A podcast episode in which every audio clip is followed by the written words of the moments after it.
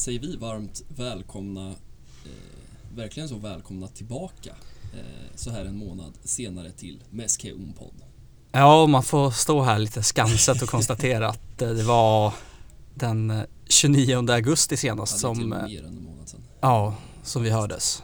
Och det känns ju mindre bra. Mycket har hänt sedan dess. Vatten har runnit under de katalanska broarna. Ja, eh, en hel flod liksom. Ja. Eh, vi ska väl ehm, Vi ska inte dyka ner i, i allt i den där floden eh, Men eh, en hel del ska vi väl hinna med eh, innan vi stänger av mikrofonerna och hoppas på en eh, lite närmare framtida återkomst. Men jag vet inte om vi ska börja i det som är mest aktuellt, nämligen Mallis-matchen.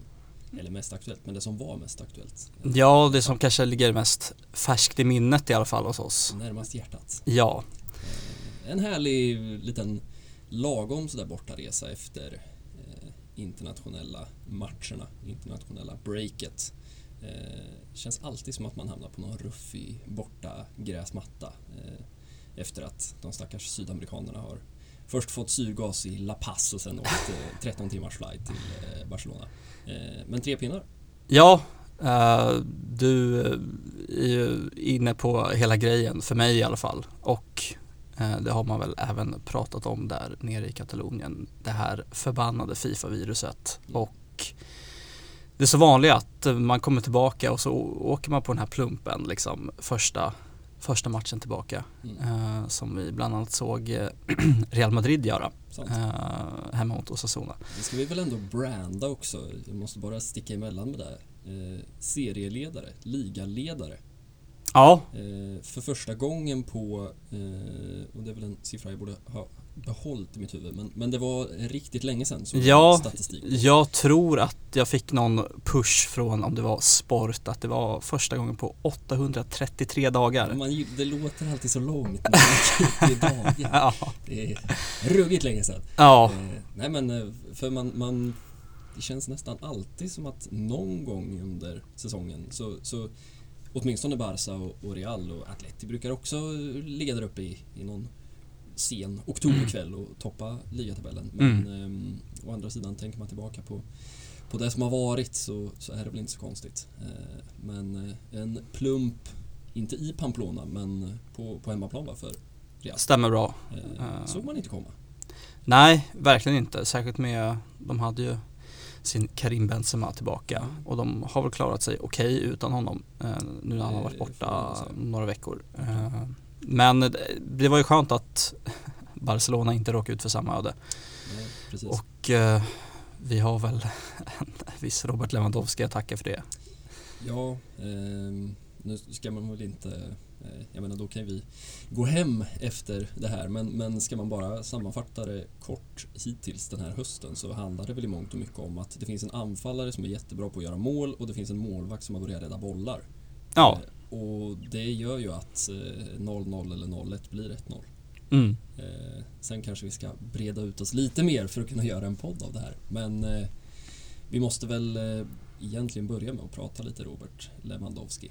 Eh, som ju, jag minns att vi stod här i våras och, och ehm, när det började pratas om, om den där supernian som skulle in och funderade på, man, man har sett honom i, i Champions League och, och man ser vad han har gjort i Bundesliga. Eh, men hur bra är han? Jag vet att vi, vi stod och pratade Karim Benzema kontra Robert Lewandowski och eh, jag vet inte vad du säger men för mig så, så eh, och det kan ju vara en okunskap att man inte suttit och tragglat Bayern München varje helg men herregud vilken spelare det är. Ja, ja men så var det och så kollar man på det där liksom eh, inte någon form av så här födelseattest men eh, 33 bast, eh, fyllde väl 34 här nu eh, sen han kom till Barcelona. Eh, och tänkte att hur länge ska det här hålla? Eh, men eh, det har ju sett oförskämt eh, bra ut. Och eh, det har han väl lite varit inne på själv också att det har blivit som en ny start även för honom eh, vid den där åldern. Ja men det är ju fascinerande. Ehm, och man, det är så roligt, så, fort- så fort han gör mål så är han alltid framme och undervisar någon av de eh, små ynglingarna. Eh, Gavi eller Pedri eller ehm, men för att prata statistik igen så eh, han slår väl alla möjliga rekord. Nu är det väl en viss norrman där borta i, i England som, som snor de flesta rubrikerna men eh, han har väl något typ av målrekord efter de här respektive omgångarna nu. Eh, Ja, det var väl hans nionde mål i alla fall i ligan. ja, och det är väl eh, bäst som han av satte någon dit. slags debut, eh, debutantlista Ja. genom alla tider. Eh, nej men det är ju en eh, framförallt en ledarfigur känns det som, som man kanske inte riktigt har sett prov på, åtminstone om man ser till, till de matcher med Bayern München, främst Champions League, som man har sett. Eh, vilket kanske har sina förklarliga skäl med liksom spelare som Thomas Müller och Neuer och Kimmich och Mm. allt vad de heter. Här är det ju väldigt tydligt att det är han som är den stora ledaren, måste man väl ändå säga. Ja, och eh, det ska man ju verkligen inte underskatta. Det är liksom inte bara en spelare som sätter dit bollarna utan eh, som du säger, han passar ju på att eh, liksom undervisa ynglingarna hur, hur saker och ting går till. Eh, Men han verkar ju vara en ledare som eh, liksom följer med exempel att han, han gör det så bra och då finns det inte så mycket för de andra än att, än att hänga, hänga på helt enkelt.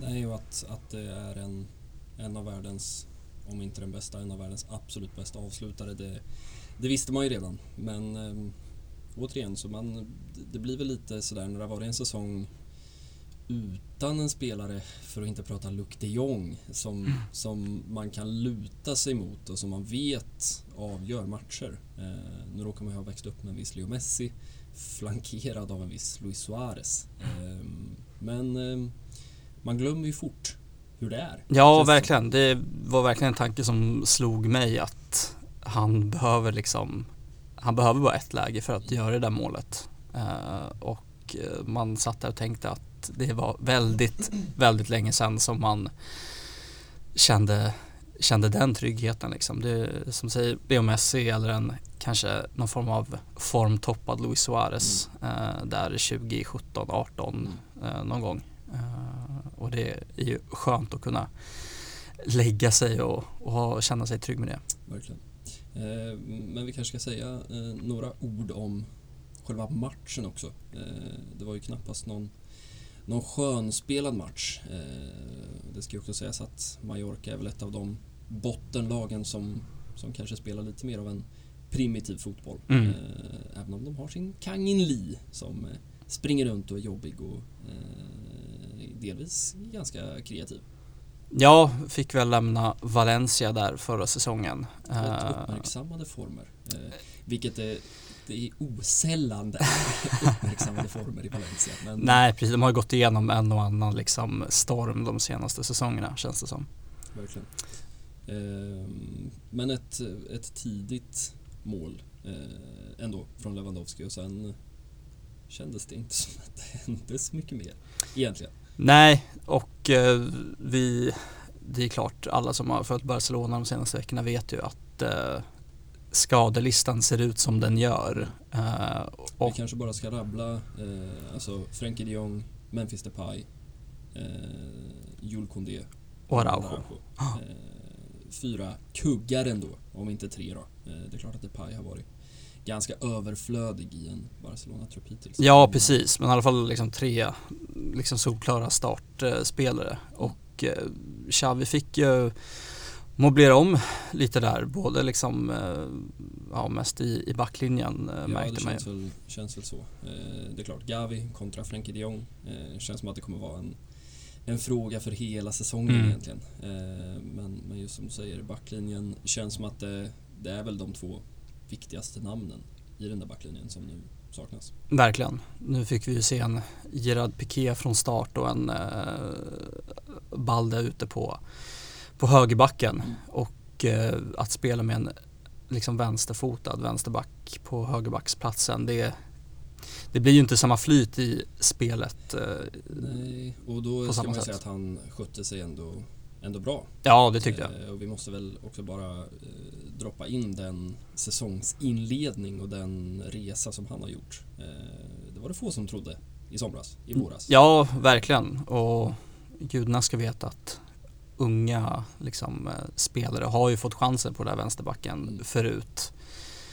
Utan att ta den helt enkelt så snabbt. Uh, och det har ju Balde, han ser ju verkligen ut att vara det självklara startvalet liksom hela den här säsongen. Mm. En skön La Masia-representation bland vänsterbackarna runt om i Europa. Man har Jordi Alba, Balde, en viss eh, Grimaldo och Sergio Gomez som mm, mm. petar hos City nu. Så att, eh, sen är det inte så många av dem där, eller ja visst, en del av dem i alla fall som faktiskt har spelat vänsterback. Men eh, Sergio Gomez var ju någon slags offensiv fältare som har eh, omvandlats eh, borta i Anderlecht. Det är också en karriärbana. Eh, nej men han, det var väl lite som Serginho Dest gjorde förra säsongen. Han var nästan bättre som vänsterback ja. än som högerback. Mm. Ehm, och Jordi Alba tillbaka i, i startelvan igen.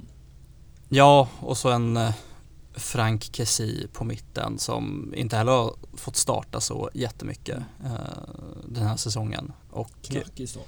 Ja, det har det varit. Eh, och det är väl kanske inte så jättekonstigt om man inte får de där minuterna direkt. Eh, men som du sa, ingen skönspel utan det kändes också som att man var ganska medvetna om att den här matchen gäller det att ta tre poäng lite. Det får se ut lite som du vill liksom. Uh, och det känns ju skönt att man, Xavi ändå kan ha den där pragmatismen uh, som kanske mest en eh, Luis Enrique hade, tänkte jag på i alla fall, mm. när han satt där på tränarbänken. en Luis Enrique som för övrigt har försonats med Jordi Alba. Verkligen ja. Jag noterade att Jordi Alba la ut något på Instagram och Eh, lite så under, underliggande tack för förtroendet. Mm. Eh, hängde ju någon, någon kasse där under landslagsuppehållet. Ja, de har ju haft sina duster minst sagt. Ja, en trebackslinje med Jeremy Mathieu som vänster mittback för att slippa spela Jordi Alba. Ja. Eh, det är också en, en tid eh, i Barcelona-livet. Nej men som du säger, eh, en pragmatisk insats utan att för den delen det, det kändes väl inte heller som att att det var ett Barca som helt kontrollerade den där matchen. Eh, framförallt kanske i, i mitten av andra halvlek så kändes det väl som att Mallorca faktiskt eh, ja, de skapade inga riktiga, kanske hundraprocentiga chanser men 1-0, 1-0 och eh, man har, ju, man har ju sett det förr. Ja. Åtminstone under förra säsongen. Det där ingår väl i någon sorts liksom fotbollens eh, konstiga natur att det spelar liksom ingen roll vem man möter, står det 1-0 på tavlan så kommer det alltid kännas som att det är skakigt mm. och, och som att man har en chans att komma in i matchen. Uh, och, och, det hade de ju på sätt och vis. Uh, men uh, du var inne på det också innan att en viss Terstegen har ju verkligen fått till den här säsongsinledningen. Ja, det är svårt. eller så är det så enkelt som att ja, men, fått en hel sommar tackade nej till anslagsuppdrag. Eh, gjorde den här operationen. Eh, lugn och ro. kanske är det så enkelt. Eh, mm. Gudarna ska veta att vi har stått här många avsnitt, både under våren och förra hösten och funderat på vad det är som händer där mellan stolparna. Ja, för det blev ju en så otroligt stor kontrast att vi gick ifrån ett lag som liksom allt hängde ju på Leo Messi och mm. Ter Stegen där ett tag. Uh, och när han inte fanns där så såg det ju så otroligt ihåligt ut för man ska också veta att Barca är ju ett lag, de släpper ju igenom chanser. Det är, det är inte liksom någon, det är inte en, ett Atletico Madrid-försvar som, mm. som kan hålla ut i 90 minuter utan motståndarna får ju sina chanser eh, varje match och då gäller det att, att eh, man har någon där mellan stolparna som som står pall också. Mm. Ytterligare en ledare. Eh, Verkligen. Känns det som. Eh, vi, vi, kanske bara ska kosta på oss och, och, prata lite om den där saken också, eh, på tal om ledarskap.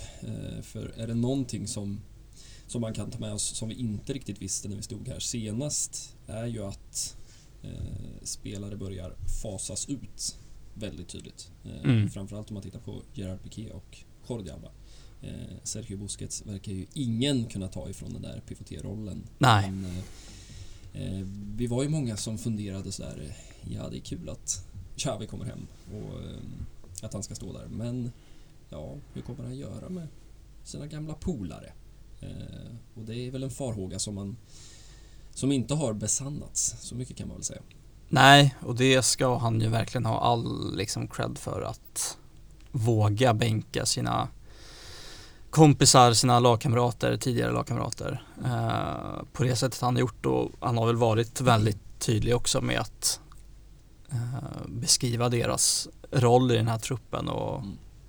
Ja, alltså Piqué har ju varit, han är ju i princip femte mittback. Mm. Om man vill lägga upp det så. Även om det alltid då ska spela en mittback som högerback. Men eh, och Jordi Alba eh, liksom petad av, av en 18-åring och sen eh, Mm. plockar man in Marcos Alonso eh, efter deadline. Eh, Ja, och så fick vi de här nyheterna om att man ville skeppa eh, Alba till Inter där under transfer deadline day där i slutet på, på augusti. Mm. Eh, och då kändes det ju lite som att det kom från ingenstans. Men nu i efterhand så är det en väldigt, eller var det en väldigt tydlig signal och Alba har väl varit ute och uttalat sig en eller två gånger om att Mm. han gillar när man är liksom rak och tar saker face to face Mm. men att alla kanske inte gillar att, att sköta affärer på det viset. Så det är väl en Nej. tydlig passning till ja, man kunde man behövde inte vara speciellt eh, högt upp i betygsgraderna i svenskan i gymnasiet för att kunna Nej. förstå eh, vad som fanns mellan de raderna. Nej, precis. Eh,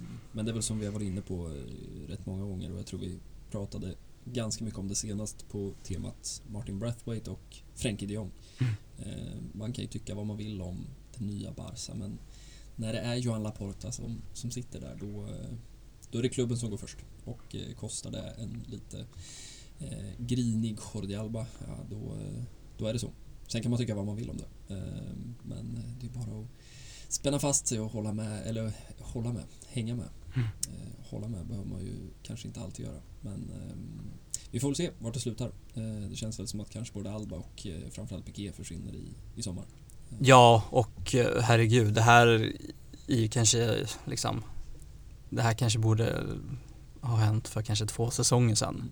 Liksom i ärlighetens namn att Att man hade fixat någon vänsterback som på riktigt kan ge Alba en match om den där eh, platsen. Eh, och samma sak med Piqué. Mm. Att det kanske har gått en eller två säsonger för länge. Mm. eh, I ärlighetens namn.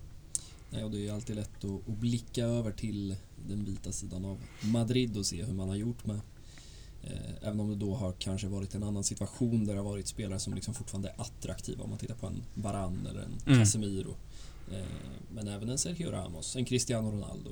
Eh, man har ju helt klart ett annat förhållningssätt på, på gott och ont ska man väl säga. Mm. Eh, jag menar det är klart att man inte hade velat se Gerard Piqué i, i PSG eller eh, för all del backa i tiden och titta på Raúl eller Iker Mm. Casillas. Eh, men det är svårt. Det gäller att hitta en balans. Jag ramlade över en, en TikTok-video på Iniesta häromdagen. Eh, det, de är ju de är överallt de här videorna. För liksom, de fanns på Twitter och de fanns på Facebook men TikTok är ju förädligt i att Mm. man tittar på den där Iniesta-videon och sen kommer det liksom sju till plus en på Xavi och sen är man inne på Sergi Samper TikTok och då, då är det dags att stänga ner. Då är man djupt nere i det här Ja, då liksom, är man djupt ner i... Ja, nej, man vill inte hamna där. Eh, nej, men liksom på tal om att lägga av i rätt tid. Eh, Victor Valdes drog visserligen korsbandet men och Puyol var också skadad. Mm. Men, men tittar man på Xavi, tittar man på Iniesta, tittar man på om Busquets skulle välja att lämna i sommar så är väl det goda exempel på att man förstår när det är dags att kliva vidare. Verkligen. Eh, och det är väl kanske det svåraste någonstans. Eh, jag tänker på en Ivan Rakitic som kanske är det allra bästa exemplet på det där. Hade han lämnat för PSG den där sommaren 20, vadå, 17 Mm. då hade han ju varit en liksom, ikon. Eh, nu, för att man har ju ett kort minne. Alltså Mm. nu minns de flesta en ganska trött kroat som man mest ville skulle flytta på sig men istället Ja. bilda mittfältsduo med Arturo Vidal. Ehm, och frågan är om det inte är bäst att alla tre kanske lämnar i sommar. Ehm, även om det såklart också innebär liksom stora utmaningar i, i ledarskap, i liksom kulturbärarrollen. Verkligen. Busquets är väl den som håller, det har han ju visat. Även om eh, det såklart inte är, det alltid finns en skillnad från två, tre säsonger sedan. Ja, man skulle också kunna tänka sig en, någon typ av så här Xavi 14-15 roll Mm. nästa säsong. Ehm, Men då återigen så bygger det på att man faktiskt har en spelare som, som kliver in där framför. Mm. Sen är det också en klassiker. Eh, när det är landslagsuppehåll då är det tomma sidor i Sport och Mondo. Mm. Då måste de fylla det med något. Eh, nu har det varit mycket Martin Subimendi Just det. och även Ruben Neves. Jag vet inte om, om någon av dem riktigt är, även om Subimendi har ju varit briljant Mm. av det jag har sett i, i Larial. Men Frenkie de Jong klarar ju uppenbarligen inte att spela där så att Mm. det är ju en, en jäkla utmaning Ja. om man ska mm, sätta där. Jag förstår Ja. faktiskt inte riktigt hur man ska, hur man ska lösa det. Det var väl en uppmärksammad intervju med Pimienta Mm. eh, som gick ut och sa att Nico Gonzales är ju det självklara valet Mm. att eh, ta den där pivotrollen. Eh, och, Som har haft en tuff inledning i Valencia, ja, tyvärr. precis. Eh, har väl fått spela men kanske inte inga briljanta insatser som har stärkt hans eh, status där eh, hos Gennaro Gattuso. Precis. Nej, och eh, för oss som har följt honom länge har det ju varit väldigt uppenbart. Även om han kanske snarare fick spela i liksom nummer, nummer sex-rollen, Frenkie de Jong-rollen, eh, när han kom upp i, i A-truppen. Men eh, nej, man är lite rädd för att det ska bli en, en tuff säsong i Valencia och de är ju så jäkla viktiga de här säsongerna när man är 19, 20, 21, Mm. 22. Eh, det, det, är det går fort åt ett håll men det går också fort åt, åt ett annat håll. Eh, men som du säger, han har ju alla, alla förutsättningar, åtminstone alla egenskaper för att Mm. kunna spela i den där positionen.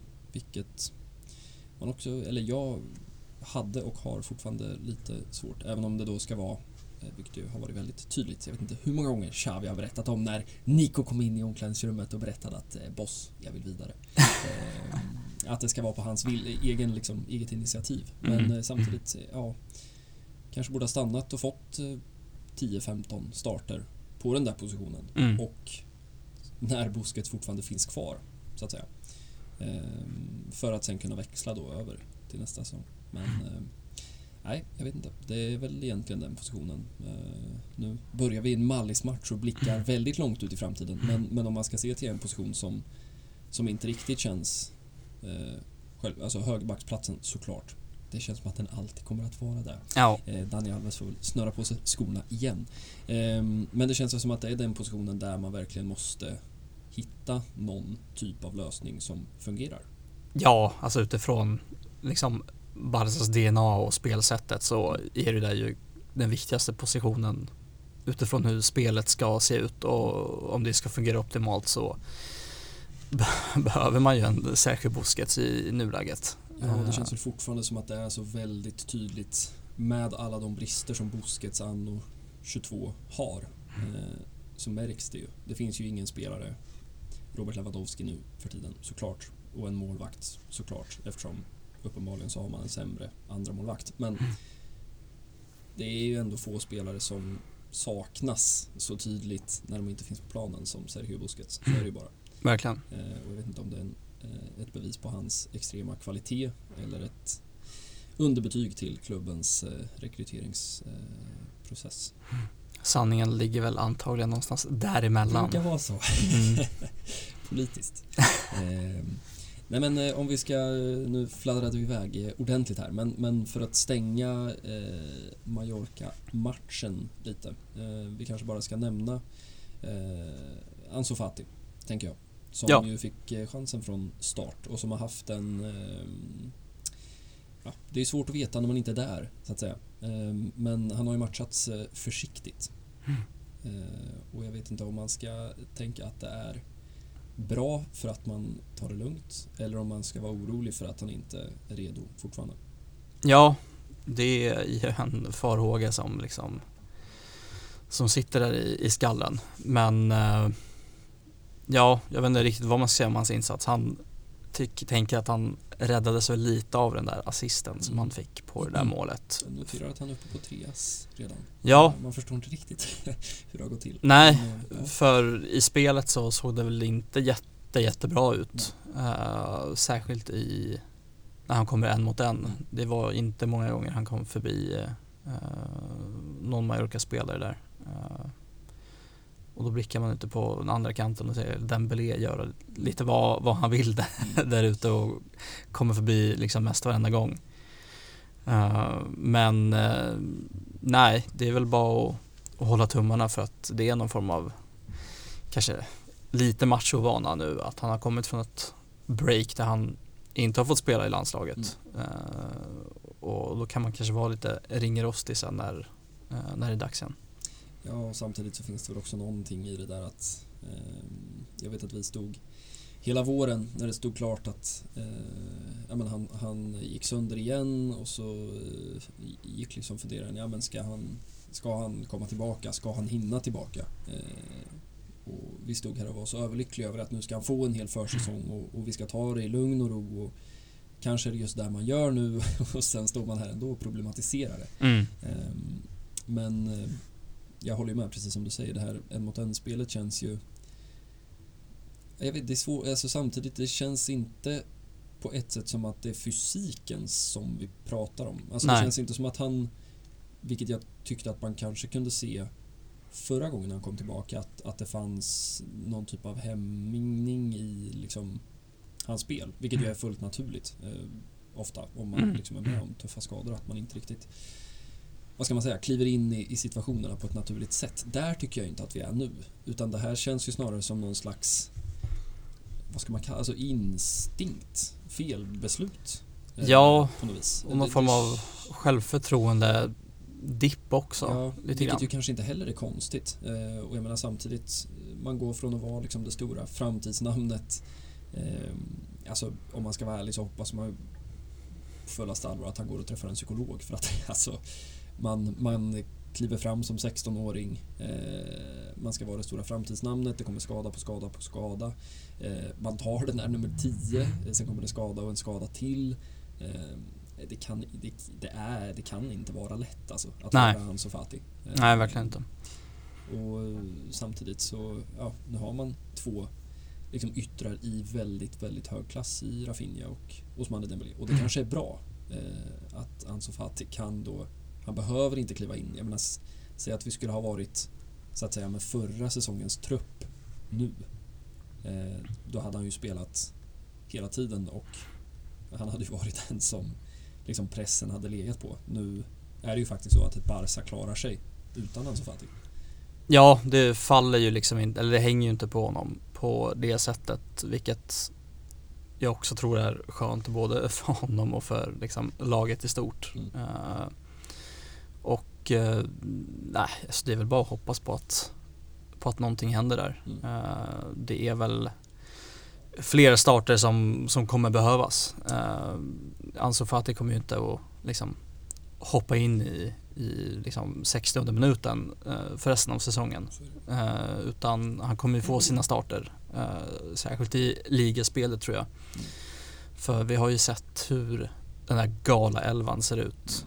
Eh, här mot eh, Bayern München i den första Champions League-matchen bland annat. Eh, och där är han ju inte.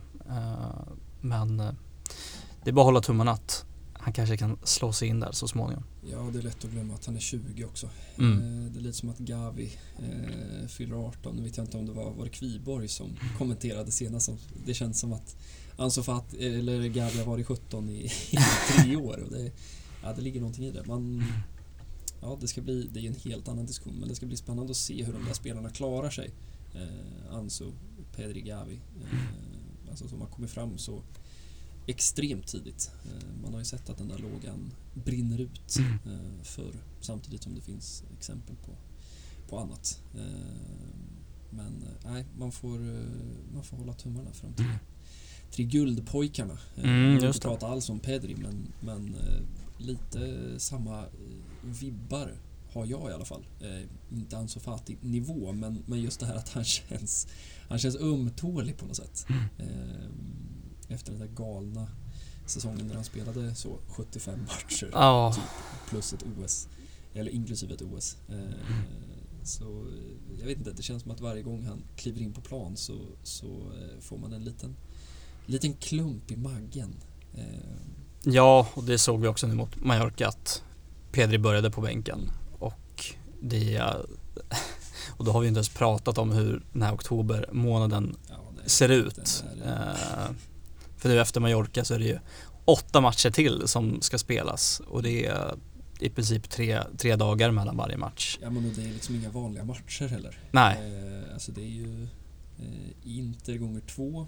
Eh, det är ett klassiko. Det är Athletic Club som flyger Mhm. under Ernesto Valverde. Det verkligen. har vi sagt också. Eh, ett Villarreal, alltså det är ju tuffa matcher. Bayern München på Bayern hemmaplan. Eh, ja just det, hela Champions League-gruppspelet Mm. ska ju hinna avverkas. Mm. Eh, ja, pilsen borta också. Mm. Eh, nej, så att, eh, och det blir ju en eh, utmaning med tanke på eh, att vissa av de här spelarna som är borta nu ska ju Alltså Araujo missar väl VM i princip. Eh, har det ju låtit som. Ja, Eh, och Kondé är lite oklart. Eh, pratade som om många veckor först och sen var han ute på plan och joggade helt plötsligt. ja och folk Eh. tänkte vad, vad, händer nu? Men eh, Ja, det ryktas väl om att El Clasico är väl någon form av eh, målbild liksom. Ja, Eh, nej men och Frenkie och Memphis Depay har man väl också pratat om. Liksom, man pratar väl i veckor snarare än i, i dagar. mm, Eh, och det är klart, när man, när man tittar på truppen som åkte till Mallorca då är den ju inte så bred längre. nej, Eh, alltså så. Och det är, jag menar, jämför man med förra, alltså säg att du hade fått de här fyra skadorna förra året då, då är det ju liksom en Ilias Ako-match som, som startar som ytter. Så är det ju inte nu. nej, Men samtidigt så, jag menar ska man spela två matcher i veckan nu i, i liksom fram till vad det nu är. Början på en, det är ju tidigt de kliver av va? Det är ju så här 11 november sista matchen. ja, så det är klart att det, det kommer tära på, på truppen. Alltså så många alternativ finns det ju inte om Nej. fyra spelare saknas. Eh, det ska bli spännande att se hur, hur Xavi får ihop det. Eh, vi kanske bara ska nämna också eh, den här nykomlingen som kanske inte så många har koll på, Mark Casado. Eh, som ju satt på bänken eh, mot Mallorca. just det. En av de framträdande spelarna ändå i ett ruggigt anonymt Barça B, eh, måste man säga.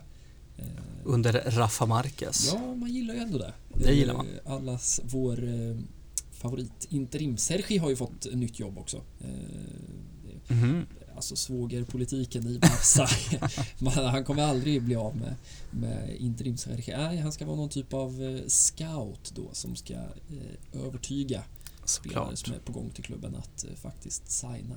Eh, han kan väl berätta om det där Dynamo Kiev-matchen i Champions League. Precis. Stark anekdot. Ja. Eh, ja, men de har fått en ganska fin start på säsongen. Alltså, Mm. Nu torskar de i helgen mot eh, Larials Dito.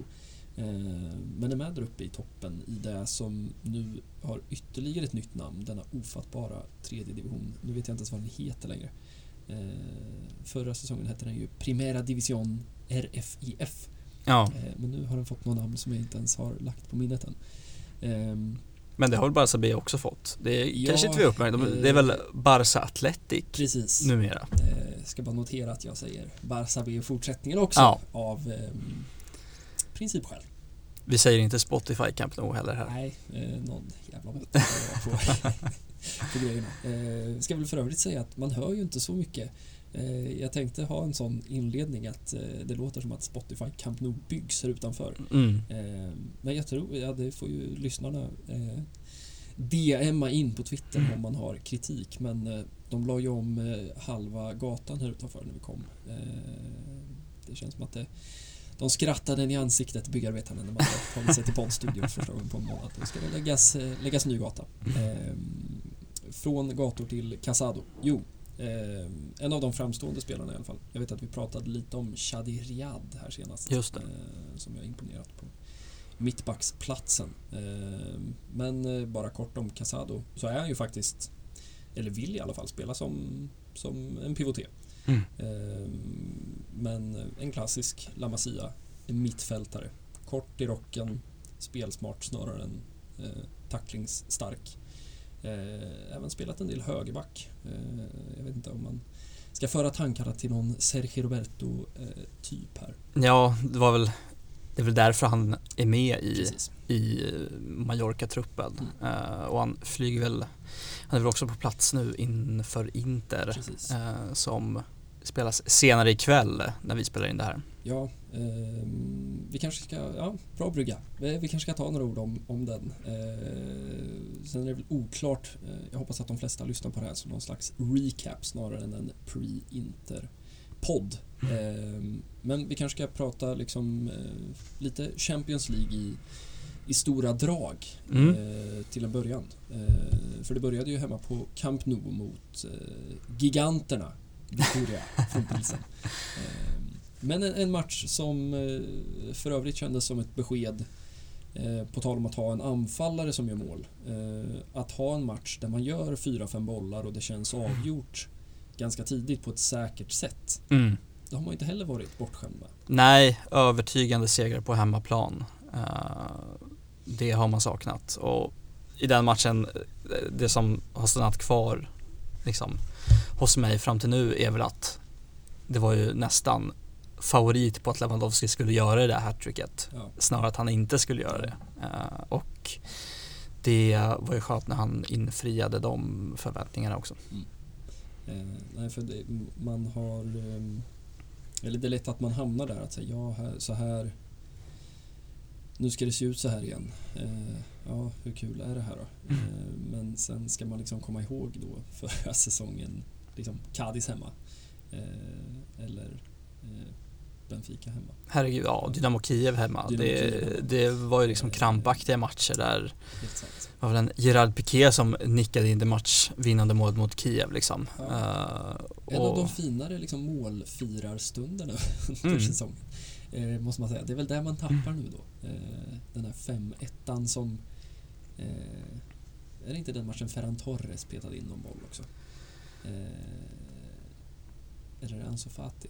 Ja, skitsamma. Men den där 5-1 firar man ju liksom inte riktigt på samma sätt som. Piqués knopp mot Dynamo Kiev. Just det. Eh, men eh, man ska ju inte, man ska inte klaga. Nej. Ehm, Men en, en ehm, ja, väldigt eh, trepoängs kravbild avklarad match. Verkligen. Eh, poängtapp i någon av de två matcherna mot Pilsen är ju förödande. Mm. får man väl ändå eh, förvänta sig.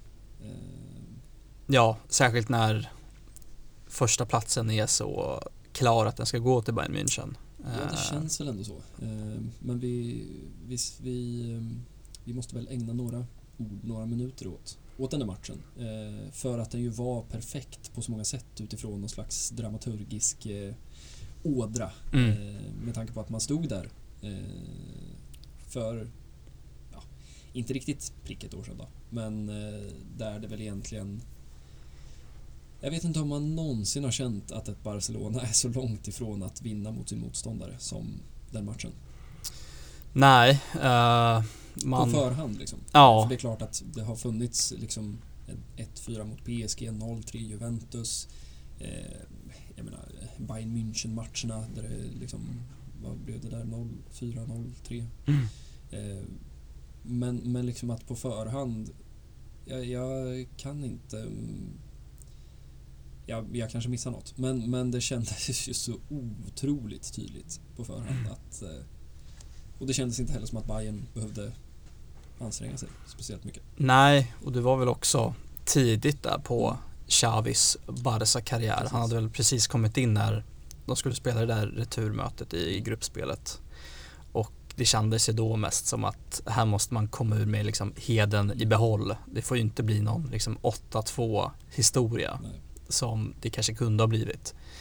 Och ja, jag minns väl den matchen som att man i princip inte hade något läge att Nej. ens vara nära att få in eh, en boll. Eh, Och 3-0 kändes väl ganska, ganska tacksamt eh, verkligen. där och då. Men eh, lite andra ingångsvärden eh, när en ny match skulle spelas på Allianz Arena. Eh, Ja, och herregud vad imponerad man blev av den första halvleken som man gjorde. Mm. Eh, och det var ju det som var så himla frustrerande att det slutade med en 2-0 förlust. Mm. När man kanske själva borde ha gjort minst två mål bara den där första halvleken. Mm. Eh, Robert Lewandowski som han kan väl varenda liksom kvadratcentimeter av Mm. den planen eh, i huvudet. Men han är ju nära så, så många gånger. Eh, men det där sista lilla fanns ju tyvärr inte där. Nej, och man blir ju, man blir ju straffad. Eh, på tal om den här liksom, fotbollens eh, slags rättvisa. Man vet ju det. Eh, bränner man tre chanser eh, känns alltid som att det är City som gör det och så står Mm. Pep där och river sitt hår för han vet ju eh, att Chris Wood i Newcastle eller något Mm. kommer att knoppa in en hörna sen. Mm. Nej, men tungt samtidigt som att det kändes som ett kvitto ändå på var laget faktiskt är redan nu, och, kan- eller åtminstone kan vara. Eh, jag menar, det är väl ändå någonstans där laget också förväntas vara. Alltså man ska kunna åka till München, man ska kunna Verkligen. åka till Manchester, Madrid eh, och kunna stå pall. Alltså Verkligen. kunna Mm. ha chanser på att vinna. Eh, sen, ja, som du säger, resultatet speglar väl inte matchbilden. Men eh, det ska bli väldigt spännande att se eh, Intermatchen. Eh, nu saknar de ju ett par ordentliga kuggar, kanske framförallt Brozovic som väl är i princip utan några övriga jämförelser så deras liksom Sergio Busquets för Mm. att liksom få spelet att rulla så att säga. Nu vet jag inte exakt hur det blir med både Lukaku och Lautaro Martinez har väl haft krämpor. Ja, nej men där är väl klart att det är just Brozovic och Lukaku som inte kommer att finnas med eh, ikväll på Giuseppe Meazza Mm. som du heter. Eh, och eh, ja, Inter som också har haft en, en tung start på säsongen. Eh, det har ju höjts en del eh, frågor kring Inzagis fortsättning där på tränarbänken. Eh, så de går ju också in eh, i den här matchen, precis som Barcelona med att det är en vinst som gäller Mm. för att man ska ta den där andra platsen. Ja, och någonstans sen, det är ju det som är läbbigt med, med gruppspel. Man, man tänker att eh, ja, men nu, nu är vi i Milano ikväll och jag menar ett, ett lika resultat eh, så har man sakerna i egna händer på Camp Nou sen. Mm. Eh, men det är klart att man, man vet ju inte vad, vad liksom Inter hittar på mot Bayern. Nej, Eh, så. Eh, ja, man vet inte heller vad Barca hittar på mot Mm. Bayern, ska ju sägas. Eh, men någonstans är väl det här kanske en sån match. Eh, jag menar om man kan någonstans gå ifrån eh, eller åka ifrån München med, med liksom ändå ganska höga eh, höga huvuden och, och, och liksom eh, uttryckta bröstkorgar så eh, alltså 2-0 på eh, i Milano eh, då, då, då är det ju tungt. Eh, jag vill ju kanske argumentera för att det här är säsongens viktigaste match. ja och det är också så det har liksom snackats upp som. Eh, och eh, nej, det ska bli ruggigt spännande att se hur man liksom tar sig an den. Att blir det bara liksom en, en överkörning från start liksom med press och, och att man verkligen går för det. Eh, det är det man vill se Mm. eh, också. Eh, Det ska bli väldigt spännande att se hur man, eller hur Xavi väljer att, att ställa upp det där laget. Vi pratade om Araujo och Kondé och jag, jag tror inte att det går nog att understryka hur stor skillnad det är. Framförallt kopplat till liksom vilken typ av fotboll Xavi vill spela och implementera. Jag menar, jämför att ha Araujo och Kondé där till höger i backlinjen eh, med att ha Piqué och Sergio Roberto. Eh, man behöver ju inte vara liksom, eh, högt uppsatt fysiker för att förstå att eh, det, är en väldigt, väldigt, väldigt stor skillnad. Ja, och nu det blir väldigt spännande. Det finns liksom så många olika sätt han kan laborera i det här försvaret. Om det blir en treback med Garcia, Christensen och kanske en Marcos Alonso och en Balde ute till vänster eller en Gavi till vänster och kanske en Roberto till höger Ja, istället. Eh, eller om det blir en fyrbackslinje med en, ett mittlås med Garcia och Christensen. Mm. Eh, Ja, eventuellt att han, han väljer att spela liksom Balde ute till, Mm. till höger igen. Mm. Nej, det, det, ja, och ska han då spela Marcos Alonso. Eh, Erik Garcia känns väl som den enda liksom, eller så har det helt andra, men med tanke på att han satt på kvisten hela matchen eh, på Mallis. Ja, och fick ju också vila i en av de här två matcherna som Spanien spelade. Så han är ju den mittbacken som är mest fräsch i benen. Ja. Eh, nej men det ska, ja, det ska bli väldigt spännande. Sen eh, framför det så, så känns det ju inte som att det finns några tvivel, eller? Eh, ska man, vet aldrig, men, men det känns ju som Gavi, Busquets, Pedri, Rafinha, Lewandowski, Dembélé. Ja, precis. Eh, det är de sex där på mittfältet och anfallet som känns gjutna eh, i den här elvan. Mm. Eh, det var väl samma vi fick se eh, mot just Bayern München där i Precis. första matchen också. Eh, nej, men jag, jag vill nog ändå branda det som, som någon slags säsongens viktigaste match. Det är klart att det kommer ett klassiko, och, och, eh, men, men någonstans en, en liga har ju 38 omgångar. Och, eh, nej, det, det, man vill ju eh, någonstans se en, eh, ett glapp mellan Barca och Inter. Eh, Verkligen. Man vill ju att det ska vara så. Det bör vara så Mm. nu.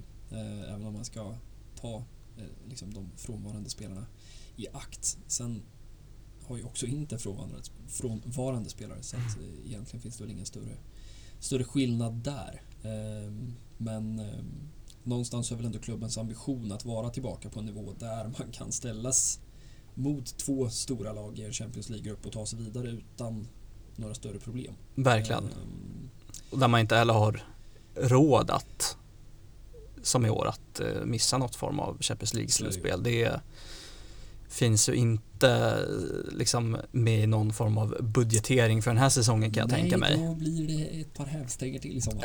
Ja, då är det väl liksom, jag vet inte vad man säger, då är det väl La Masia som försvinner till eh, Manchester City eller någonting.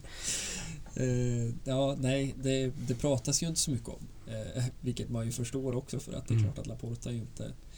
Han är inte jättesugen på att prata om vad de här matcherna faktiskt betyder. Nej, men som du säger, ja, jag, jag tror inte att det finns. Mm. Eh, liksom, det är väl ändå de riskerna man har tagit. Hur liksom ändå vattentät den här liksom, taktiken ska vara då.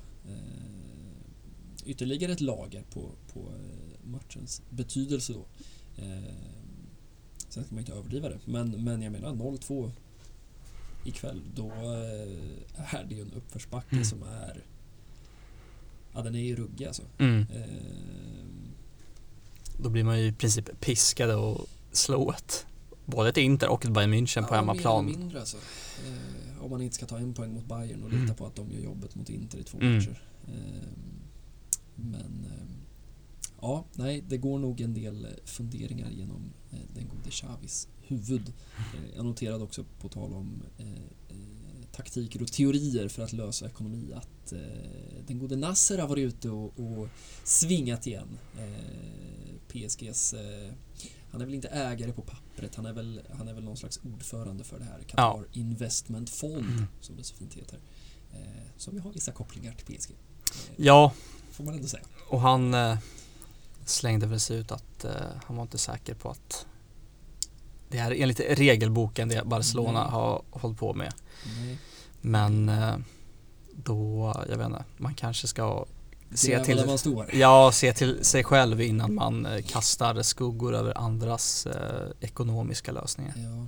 Nej, Kan man tycka. Ja, samtidigt är det intressant det där. Jag menar, det, alltså, man har ju inte riktigt sett den här ekonomiska modellen förr inom Nej. fotbollen. Eh, och alltså så här, nu ska man inte ge eh, Nasser poäng i onödan, men, men det är ju ändå en intressant spaning eller fråga som, alltså det här att, ja men ska vi också ta efter det här nu? Mm. Kommer fler att ta efter det? Eh, är det ekonomiskt hållbart? Eh, det vet man ju inte riktigt fortfarande. Eh, alltså det kan ju vara så att Barca nu får fyra, fem fantastiska år eh, där man går långt i Champions League och, och eh, man eh, får tillbaka folk på arenan, Mm. vilket man ju redan har uppenbarligen. Mm. Eh, och, och man får snurr på grejerna igen. Eh, och sen inser man att eh, ah, fuck, det finns något som heter inflation så vi tappar ändå en del pengar med tanke på att vi har sålt det här över 25 år. Men vi gjorde ändå rätt för att alternativet fanns inte. Eller så blir det tvärtom. Mm. Alltså det kanske blir en katastrof och det Mm. vet man ju inte.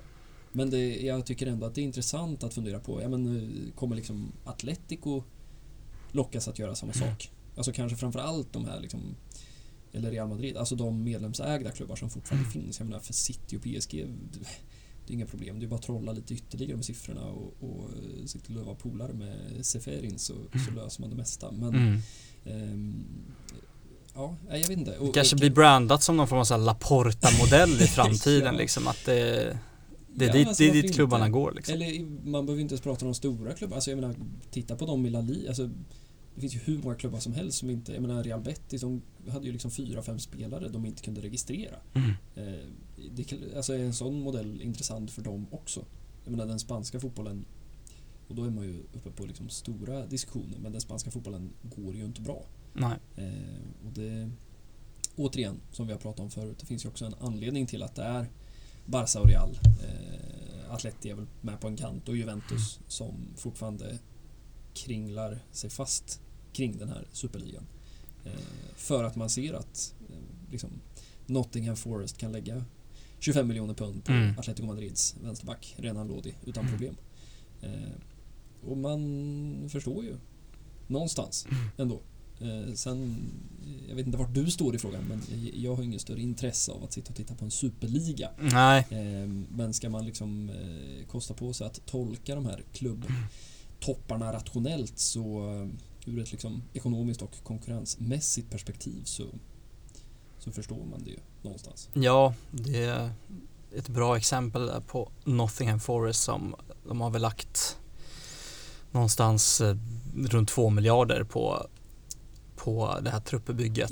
och jag som nykomlingar i Premier lite League. på deras insats mot Leicester på bortaplan igår och Mm. jag kan säga att eh, det var svårt att se de pengarna, vad de har gjort. Eh, sen ska de få spela ihop ett lag också, man ska väl inte vara för taskig. Men eh, ja, nej, eh, det finns ju pengar Mm. där borta på, eh, på öarna. Eh, men ja, först och främst så, så är det en match i Milano ikväll. Sen Det sportsliga får, Eh, ja, men lite så. Eh, det ska väl upp i, i någon slags, eh, jag vet inte om det är KAS det ska upp i eller vilken typ av så här, skiljedomstol det ska upp i. det är väl någon form av eh, nu att man ens Eller kan det här. EU liksom, Ja, jag tror det är någon form av EU-domstol eh, som de eh, har gått till för att se om det är någon form av så här den här konkurrensen, att den inte är rättvis helt Nej, för enkelt. man kan, alltså, Att Uefa ska ha någon form av monopol på storturneringar i för om man fotboll. kostar på sig och liksom bara se på det som du säger, alltså så här, kan Uefa då straffa klubbar för att de funderar på alternativ till Uefas turnering genom att Mm. bötfälla klubbar? Ehm, det är, ja, Slippery slope. Ja, sam och så samtidigt så här, man, man har ju varit så van vid att det är liksom Uefa och Fifa som gäller. Eh, men det är klart att det är läskigt om, om några klubbar skulle få rätt nu och sen drar de alltså så här, vad tycker Premier League-klubbarna om det här? Mm. Eh, det är ju bara att se vad som hände liksom när några av dem öppnade för det. De fick ju backa ganska, ganska fort. Jag vet inte vad Mm. katalanerna säger riktigt. Eh, det känns som att de liksom skulle kunna vara så här, ja, alltså, Ja, varför fan, inte? det är väl kul. Ja. Eh, Eller så, man, man, ja, eller? Ja, Det har ju inte kommit samma form av backlash Nej. där som, som det har gjort i England och, och Tyskland också. Eh, Det vet jag, ja men vet inte riktigt varför det, det är så om gemene supporter kanske inte är så, så insatt i den där storpolitiken. Eh, och att man kanske, man kanske lyssnar vad en president säger och vad han har för argument. Ja, eh, samtidigt som, alltså skulle det ha med, med att man själva då förstår den ekonomiska situationen man sitter i, men det Mm. känns också liksom, det har ju inte folk heller koll på uppenbarligen. Alltså de Nej. läser ju liksom Mundo Deportivo och sen vinner Bartomeu ett val Mm. ungefär för att han värvade Arda Turan en vår. eh, ja, nej, det tåls att, att fundera på.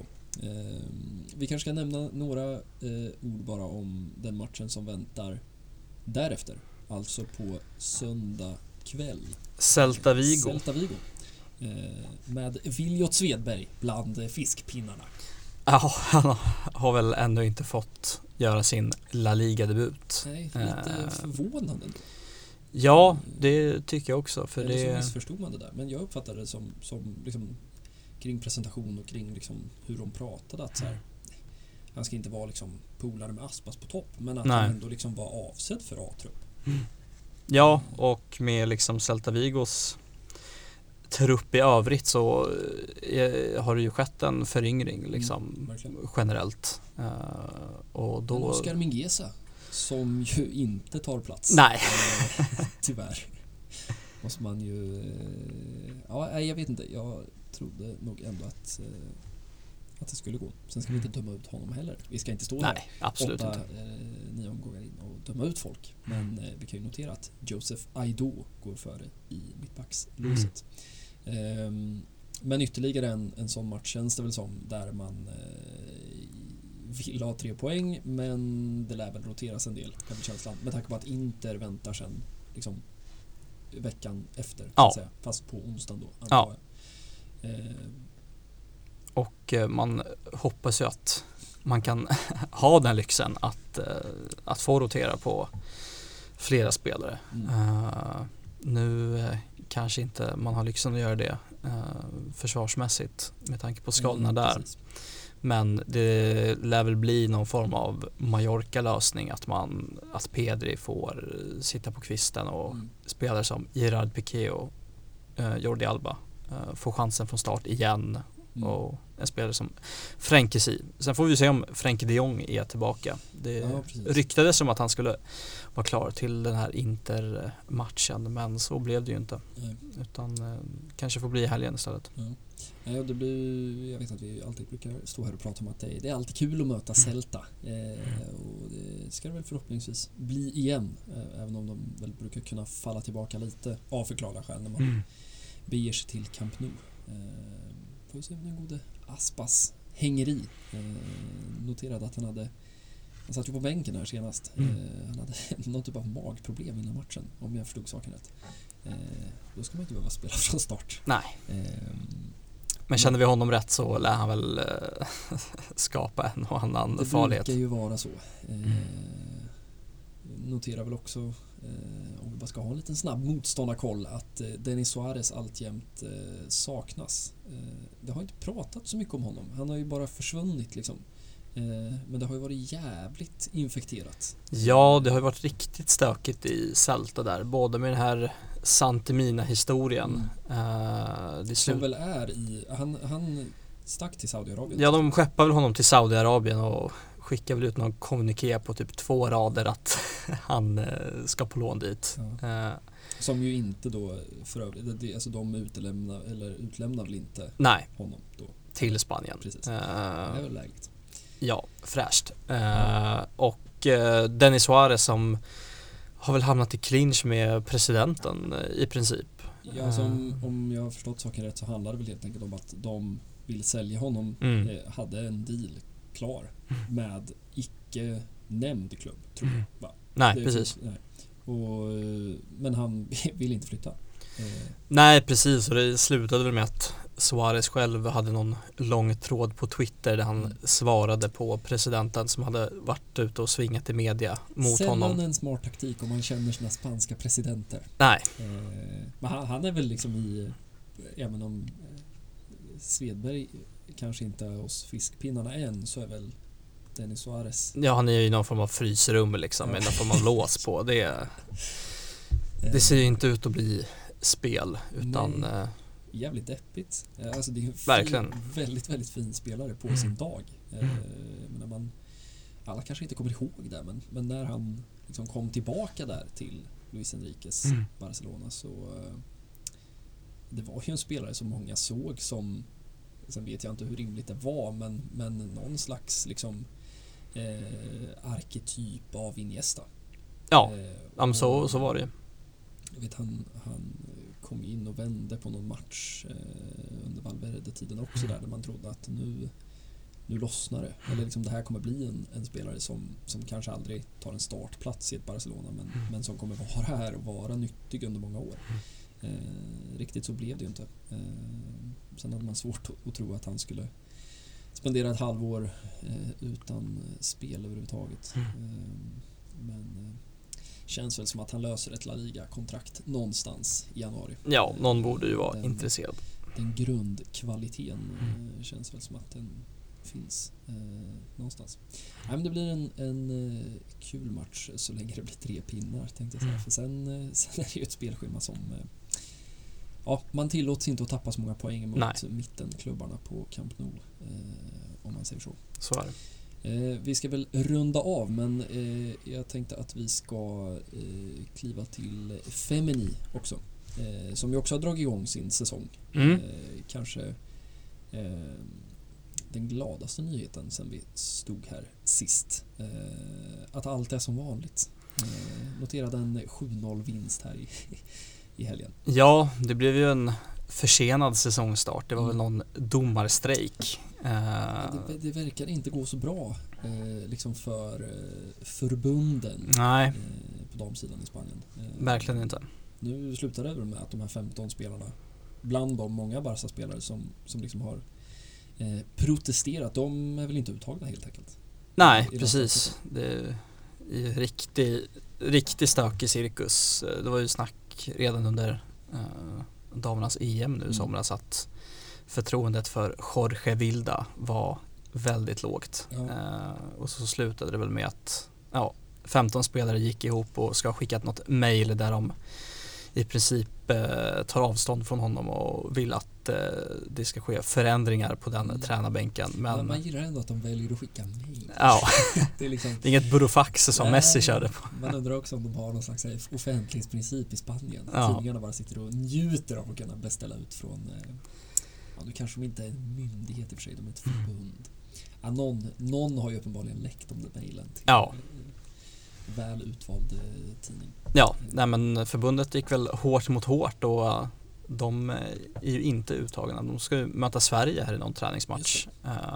Och som du säger, väldigt många Barca-spelare som inte är med. Och så tror jag att det var nio spelare från Real Madrid som kom med. Mm. Och de har ju haft, inte haft så många spelare i landslagstruppen Nej. innan. Nej, man, alltså, man har ju lite svårt att se hur de ska ta det där vid. Alltså så här, ska man... Vilka viker sig nu då? Eh, för det känns ju ändå i slutändan som att det är, det 15 spelare så... Alltså, konsekvensen blir ju att det blir ett sämre landslag. Ja. Eh, oundvikligen. Det Verkligen. känns ju som att spelarna sitter lite med med eh, de bästa korten i och med att det är de som ska sparka boll. Liksom. Ja, och så är det väl ett eh, VM 2023 i Precis. Australien, Nya Zeeland och det känns som att man borde man borde vara manad att komma fram till någon lösning Ja, innan dess Lite i så, alla det fall. kanske är som de här klassiska, liksom, alltid så här, ja, Telia har kommit fram till att Champions League inte kommer visas eh, för att prov- varenda år. Liksom. Något avtal Ja, som liksom Och så stökar. löser de det liksom kvart i sju på tisdagskvällen. Eh, nej, men jag, för det är lite liksom ur en sp- spansk kontext också, men man tänker också ur det Barca som har varit där, där liksom tränare har fått gå eh, trots att man har liksom sopat rent det mesta. Och, nej, jag vet inte riktigt, det skulle vara intressant att eh, få till en exklusiv Mm. intervju med någon, av- för det finns ju vissa Barca-spelare tänker jag som då både har varit med om liksom, tränarbyte till Barca som strejkar nu Mm, och som dessutom lär ha ett och annat att säga om liksom, domarsituationen. verkligen. Eh, Man undrar ju, är det liksom är det bara undermåligt skött eller finns det liksom strukturella problem i hela Ja. liksom, fotbollen eller vad eller det var en- de bara dåliga tränare? Alltså, det var väl inte länge sedan det var samma problem med liksom, eh, alltså ligan i Spanien. Ja, sant. att brist på någon form av professionalisering Mm. eh, som eh, tog lång tid. Eh, och det är väl samma, samma orsaker till den här domarstrejken, att det är Mm. låga ersättningar och, och så vidare. Eh, så de har ju mycket att jobba på, uppenbarligen. Ja. Ehm, om man ska prata lite fotboll så, så har det ju lottats Champions League-grupper och det blir ju svenskt. Ja. Barcelona på svensk mark. Barcelona-Rosengård. Eh, noterar också med lite glädje att liksom Rosengård, eh, när man sitter och tittar på de här det visar sig väl inte riktigt i kvalen än, men, men när man sitter och tittar på liksom gruppindelningarna här så, så ser man ju liksom att så här, ja nej, det är ju inte liksom Turbine Potsdam och Umeå Mm. IK längre. Nej, Eh, det var väl något albanskt gäng som hade tagit sig dit och typ tjecker eller Mm. slovaker eller något. mm. Men det är ju bara tre, fyra klubbar, sen är det ju de stora eh, nu för tiden. Ja. Det är väl så det kommer bli såklart till slut. så är det. Ehm, men, eh, och det är väl ingen, eh, ingen ny och fräsch spaning, men eh, tåls att upprepas. Mm. Även Bayern München och Benfica i Barcas Ja. grupp där. eh, Eh, Bayern blir väl ett pikt möte. absolut. Eh, men Benfica ska jag villigt erkänna att jag inte har någonting på. vet att de var med även förra året när Häcken var det svenska representationslaget. Uh, och Som väl rök i kvalet va? I år ja. Ja. Och Benfica, ja, man är väl mer rädd för där klubbemblemet och namnet Mm. än kanske Kvalitet. truppbygget och kvaliteten i sig. Uh, även i år. Nej men det ska bli um, eh, någonstans så, så känns det väl som att eh, måste man ta den där titeln. Mm. Eh, samtidigt som det känns lite läskigt med tanke på att alla runt omkring blir liksom bättre. Det är Mm. ändå känslan. Eh, för att... Eh, Samtidigt som det kanske är ett försvagat Barcelona i år med. Potejas out Precis. även hela det här året. Mm. Eh, Så det ska bli spännande att se vad, vad man kan hitta på faktiskt. Ja, och jag vet inte vad, vad, vad skulle man liksom branda ett, en andra plats i ligaspelet? Det skulle väl vara någon slags århundradets Ja, det är väl fortfarande på den fiasko. nivån. Eh, Så där kanske man kan eh, sitta lugn. Jag vet Mm. inte, nu har man inte hört så mycket om eh, Rolfö pratade ju mycket där ett tag om att man hade att man hade de här andra liksom målsättningarna som man satte upp för att det där med att räkna, räkna poäng fanns ju inte så mycket poäng med. Nej. Med tanke på att man vann alla matcher. Mm. Ehm, Men jag vet inte om man siktar på gå rent i år igen kanske. Mm. Ehm, En målsättning så gott som eh, någon kan man väl tycka. Ja, lite så. Ehm, Men eh, nej, det ska bli, det ska bli spännande. Eh, Det känns, eh, vi stod väl och pratade mycket om det här i våras om det psykologiska när man återigen då föll i en final. Eh, Lite så, ska man vara Ska man vara bäst när det gäller eh, Precis. Då eh, börjar det bli dags. Mm. Annars kanske det ryker en tränare till här framme. Man vet aldrig. Eh, nej men så fan, det finns ju, det känns som det finns att eh, se fram emot. Eh, Verkligen. Sen eh, känner man fotbollsvärlden rätt så, så brukar man kunna stå här om en eller två veckor och eh, vara jätteglad eller eh, väldigt eh, Oj, jag säger något annat. ja, man vet aldrig. Eh, vi kanske kommer tillbaka med, med 0-2 i baken. Det känns som jag sagt det fyra gånger så det borde väl inte hända. Eh, men vi stänger väl för idag och hoppas att vi har kunnat täcka den här månaden någorlunda väl. Ja, det hoppas jag också. Eh, Det känns ändå som att vi har eh, fått in rätt mycket av Mm. det som är Barca hösten 2022. Eh, men vi säger väl på återseende om typ en vecka. Eh, Förhoppningsvis, vi håller tummarna. Ja, ja vad fan. Eh, Inte en månad till, Nej, till nästa okej gång. vi kan väl nästan utlova det. Ja, jag Ja, tycker att vi, vi utlovar det. Ja. Eh, Men eh, vi kan i alla fall säga på återseende. det gör vi. Ciao! Ciao!